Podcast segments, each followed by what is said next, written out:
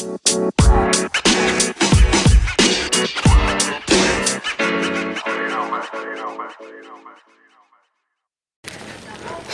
warahmatullahi wabarakatuh.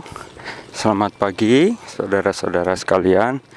Selamat datang di kuliah yang saya ampu semester ini. Nama saya Erwin. Saya sehari-hari mengajar di program S1 Teknik Geologi dan program Magister Teknik Air Tanah Saya lulus dari ITB tahun 1998 yang kemudian dilanjutkan dengan studi S2 dan S3 yang juga saya selesaikan di ITB.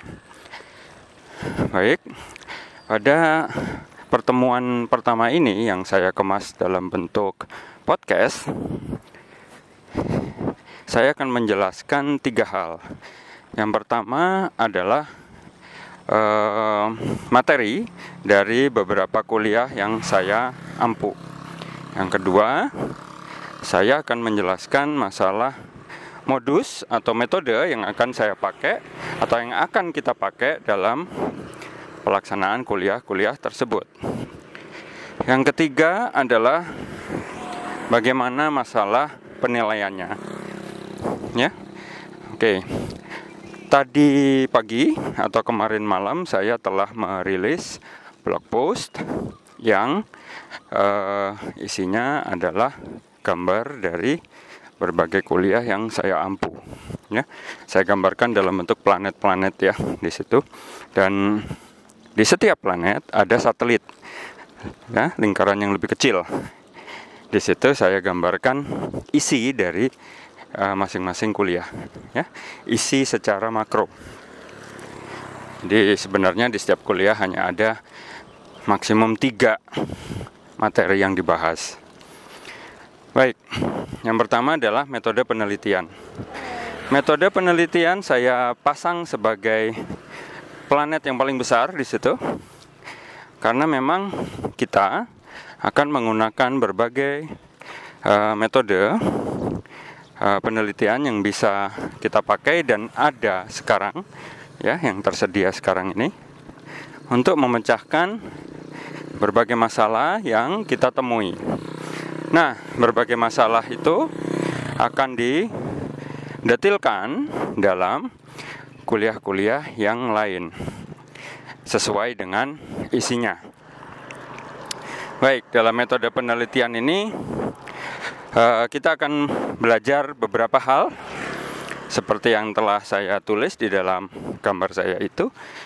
Yang paling penting adalah bagaimana menemukan uh, ide riset, ya. Itu adalah yang paling utama, terutama untuk anda yang sekarang menempuh program magister. Ya, nah tujuan dari kuliah ini intinya yang yang ideal ini ya adalah dapat membantu Anda semua menyelesaikan tugas akhir ya sebagai output utama dari suatu pendidikan S2 juga S1 ya. Nah itu tujuannya. Jadi saya akan sangat senang dan saya sangat berharap bahkan mungkin dalam level sudah memaksa Anda agar memiliki topik dulu ya, setidaknya topik penelitian dulu.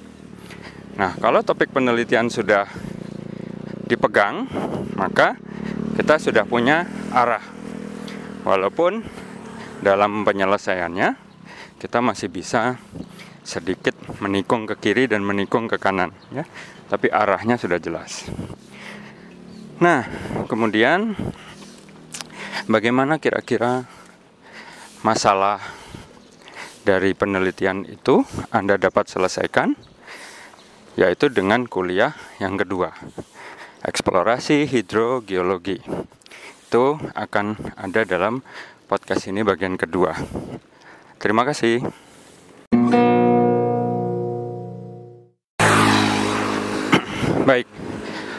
Untuk bagian kedua ini, saya akan menjelaskan masalah kuliah eksplorasi hidrogeologi.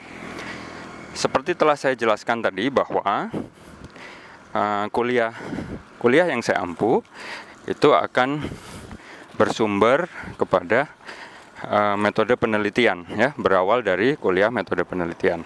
Karena itu akan kita pakai untuk menyelesaikan berbagai masalah yang kita temui dalam tugas akhir ya atau dalam riset. Nah, bagaimana caranya? Itu dijelaskan dalam kuliah yang kedua, yaitu kuliah eksplorasi hidrogeologi. Nah, dalam kuliah ini saya akan menjelaskan berbagai pengalaman yang tentunya uh, bisa saja tidak atau belum sesuai dengan apa yang Anda perlukan karena pengalaman saya juga terbatas. Ya, tapi saya akan mencoba menyampaikan pengalaman saya juga pengalaman orang lain dalam bentuk publikasi ya, seminar atau makalah ilmiah. Nah, dari pengalaman-pengalaman itu saya akan sampaikan uh, masalah apa saja yang bisa dipecahkan ya?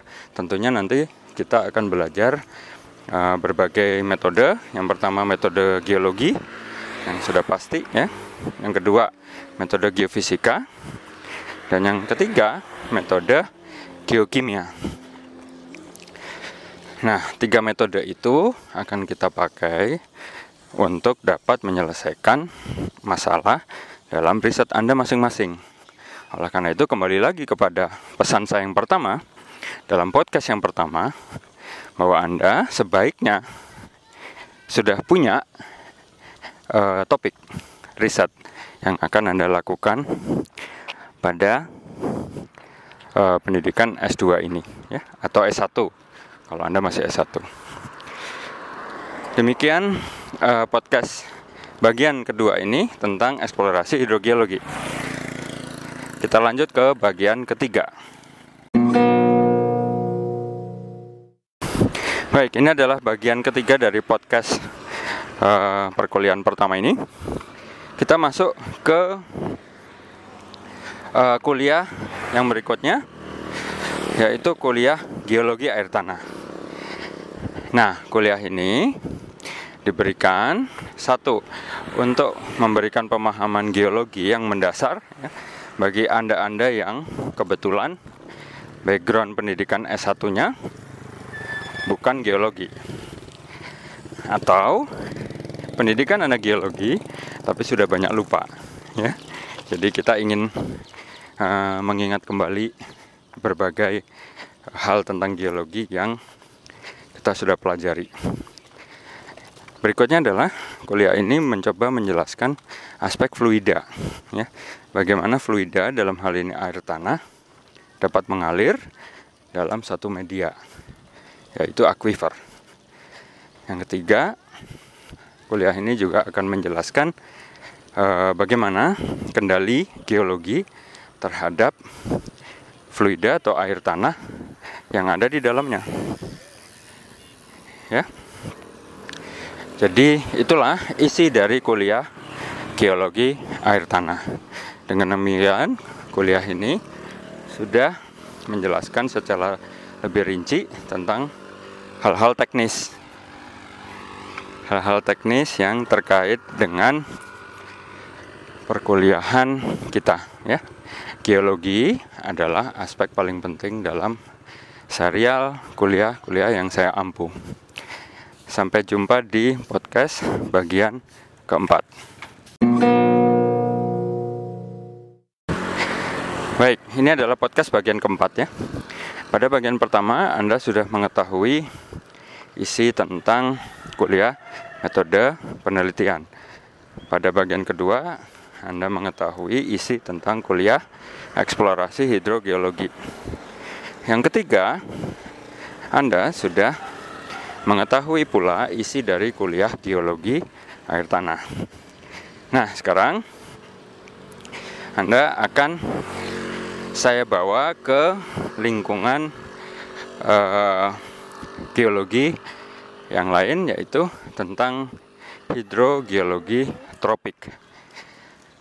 Nah, hidro, kuliah hidrogeologi tropik ini sesuai judulnya akan mencoba menjelaskan berbagai fenomena hidrogeologi ya yang telah kita pelajari pada kuliah sebelumnya yaitu geologi air tanah yang spesifik kepada lingkungan iklim tropis. Dalam penyampaiannya, saya akan banyak membuat perbandingan antara uh, kondisi hidrogeologi pada daerah-daerah yang masuk dalam iklim yang lain, yaitu iklim subtropis misalnya. Nah, dalam kuliah ini saya akan mencoba menjabarkan berbagai sistem aquifer yang telah Anda ketahui pada kuliah geologi air tanah. Salah satunya adalah sistem aquifer di daerah aluvial, sistem aquifer di daerah gunung api, di daerah kars, di daerah uh, bantaran sungai, ya. Kemudian di daerah-daerah yang lain, misalnya daerah rawa. Nah, kemudian kondisi-kondisi pada masing-masing sistem aquifer tersebut akan saya bandingkan berbagai karakteristik utama yang terjadi di daerah beriklim tropis dan yang terjadi di daerah-daerah yang beriklim non-tropis. Nah, dalam penyampaian kuliah ini, saya mungkin akan banyak mengaitkannya dengan kuliah yang lain, yaitu kuliah geologi urban yang saya ampu bersama beberapa dosen yang lain, juga kuliah hidrogeologi vulkanik. Ya, Nah, dalam kuliah geologi urban, saya dan bersama ibu dan bapak dosen yang lain menjelaskan berbagai kendali geologi dalam kehidupan manusia, terutama di kawasan perkotaan, ya, perkawasan ur kawasan urban. Kemudian pada kuliah yang lain, yaitu hidrogeologi vulkanik, saya akan mencoba mendetilkan kondisi uh, hidrogeologi atau kondisi air tanah yang berkembang pada sistem aquifer daerah gunung api. Ya, jadi kurang lebih seperti itu penjelasan saya yang akan saya tutup dalam podcast bagian kelima. Terima kasih masih bertahan dalam podcast ini. Ini adalah podcast bagian kelima yaitu penutup dari berbagai hal yang akan saya sampaikan di masing-masing kuliah. Nah, dalam bagian penutup ini saya akan menyampaikan bahwa uh, seluruh kuliah yang saya ampu itu akan terkait satu sama lainnya. Ya, seperti sudah Anda lihat dalam deskripsi. Oleh karena itu dalam penyampaiannya saya akan mencoba menyampaikan secara terintegrasi ya. Jadi tidak terpisah-pisah tapi secara terintegrasi. Intinya adalah bahwa dalam kuliah-kuliah saya ini kita belajar geologi itu yang pertama ya. Kita akan belajar batuan dan proses-proses yang dialami oleh batuan itu sejak terbentuknya sampai sekarang. Berikutnya kita isi batuan-batuan tersebut dengan fluida yaitu air tanah di sini saya akan kita akan mempelajari bagaimana air tanah tersimpan dan mengalir dalam material batuan itu. Ya. Dalam hal ini batuan-batuan tersebut berjenis aquifer. Yang ketiga adalah bagaimana uh, kendali geologi bisa mengatur perilaku air tanah. Nah, tiga hal itu yang intinya akan saya jelaskan dengan pendekatan yang berbeda-beda. Kita lanjut ke podcast bagian ke-6 yaitu mengenai metode penyampaian kuliah. Baik, saudara-saudara sekalian, uh, inti dari bagian ke-6 ini adalah saya ingin menyampaikan metode kuliah yang akan kita laksanakan. Nah, ini semua berkaitan dengan kondisi pandemi yang sedang kita alami sekarang. Jadi pada dasarnya tidak ada orang yang siap dengan bencana seperti ini. Ya. Intinya manusia tidak akan siap dengan bencana. Ya. Termasuk pandemi ini. Nah, yang mana dalam bencana ini uh, memaksa kita untuk melakukan hampir seluruh kegiatan kuliah ini secara online, ya, secara daring. Adapun metode yang akan saya sampaikan atau yang akan saya gunakan akan uh, merupakan kombinasi antara metode sinkron dan asinkron. Metode sinkron adalah kita bertatap muka secara online secara daring ya dengan platform yang sekarang kita miliki. Sementara kita pakai Microsoft Teams. Kecuali kalau ada beberapa hambatan ya kita bisa berpindah platform. Tapi intinya sentral komunikasi kuliah-kuliah kita adalah Microsoft Teams. Jadi Anda akan saya minta untuk dapat menginstalasi aplikasi Microsoft Teams ya, baik di laptop atau di perangkat bergerak Anda ya di ponsel. Untuk laptop sebenarnya tidak perlu diinstal aplikasi terpisah. Anda cukup nyalakan peramban atau browser yang biasa Anda pakai. Tapi kalau untuk ponsel, Anda perlu menginstalasinya. Ya, jadi yang saya ulang lagi. Metodenya sinkron tatap muka. Nah, metode sinkron itu saya akan kombinasikan dengan metode asinkron. Metode asinkron ini adalah Anda dapat menyimak seluruh materi kuliah yang saya berikan sesuai waktu yang Anda punya. Ya. Saya sangat ingin Anda jujur dalam hal ini mengikuti semua materi yang saya sampaikan ya dengan kecepatan yang anda mau ya self paced istilahnya untuk tujuan ini maka saya akan selalu menyiapkan mata kuliah atau materi kuliah secara daring yang terpusat dalam satu halaman blog.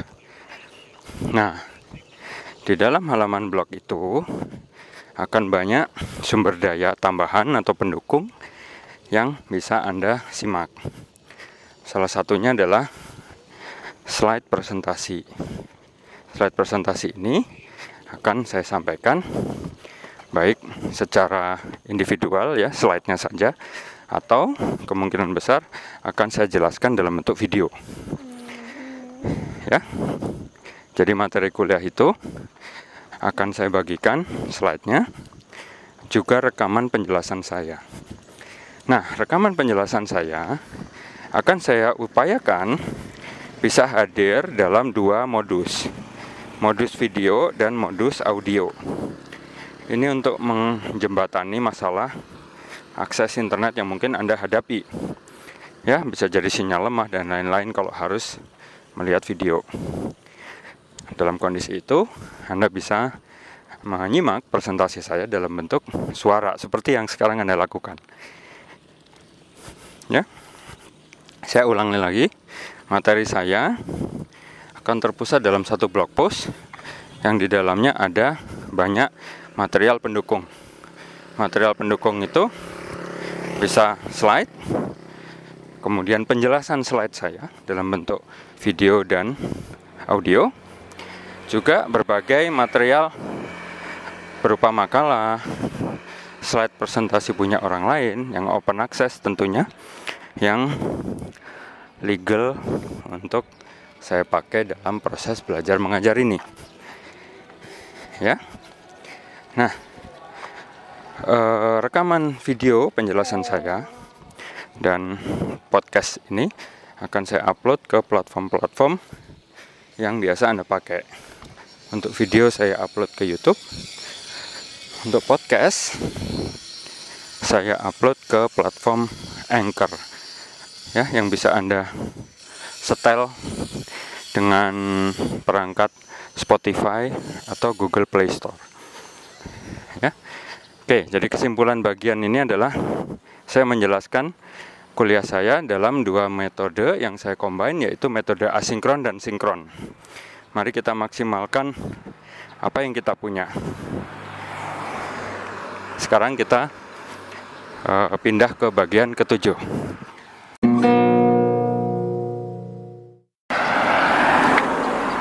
Baik, sekarang bagian ketujuh. Nah, dalam bagian ketujuh ini uh, kita akan bicara mengenai ujian, ya. Jadi ujian yang kita uh, gunakan di sini uh, adalah UTS dan UAS seperti biasa, ya. Proporsi penilaiannya akan mengikuti rata-rata uh, nilai, ya. Jadi rata-rata nilai ujian yang tinggi akan memiliki proporsi yang lebih besar. Jadi seandainya UTS lebih tinggi rata-ratanya dibanding UAS, maka proporsinya uh, lebih tinggi UTS. Sedangkan kalau rata-rata UAS lebih tinggi, maka proporsi UAS lebih tinggi dibanding UTS. Nah, di sini yang penting adalah saya minta kejujuran Anda ya dalam melaksanakan ujian maupun kuis yang saya berikan. Intinya, saya tidak akan menyulitkan Anda untuk lulus dalam kuliah saya. Yang penting Anda harus mampu menunjukkan bahwa Anda layak untuk saya luluskan. Jadi prinsipnya kurang lebih seperti itu ya tidak berat tidak berat yang saya minta. Asal anda mengikuti seluruh kegiatan maka mestinya anda dapat mengetahui pesan-pesan penting di setiap kuliah yang saya sampaikan. Demikian podcast kuliah awal ini yang saya sampaikan untuk seluruh peserta di seluruh kuliah saya. Kenapa saya lakukan secara bersamaan? Selain untuk efisiensi dan efektivitas, juga karena kuliah-kuliah saya akan berkaitan satu sama lain. Demikian, saudara-saudara, semoga kita bisa melewati kuliah ini, kuliah semester ini dengan baik, dan Anda semua lulus dengan nilai yang baik. Demikian, kita mulai semester ini dengan penuh semangat. Terima kasih, selamat pagi. Kebetulan barusan saya lari-lari kecil dan jalan kaki dan sekarang sudah kilometer ketiga. Oke, semoga kita semua sehat terus ya, semangat. Selamat pagi, assalamualaikum warahmatullahi wabarakatuh.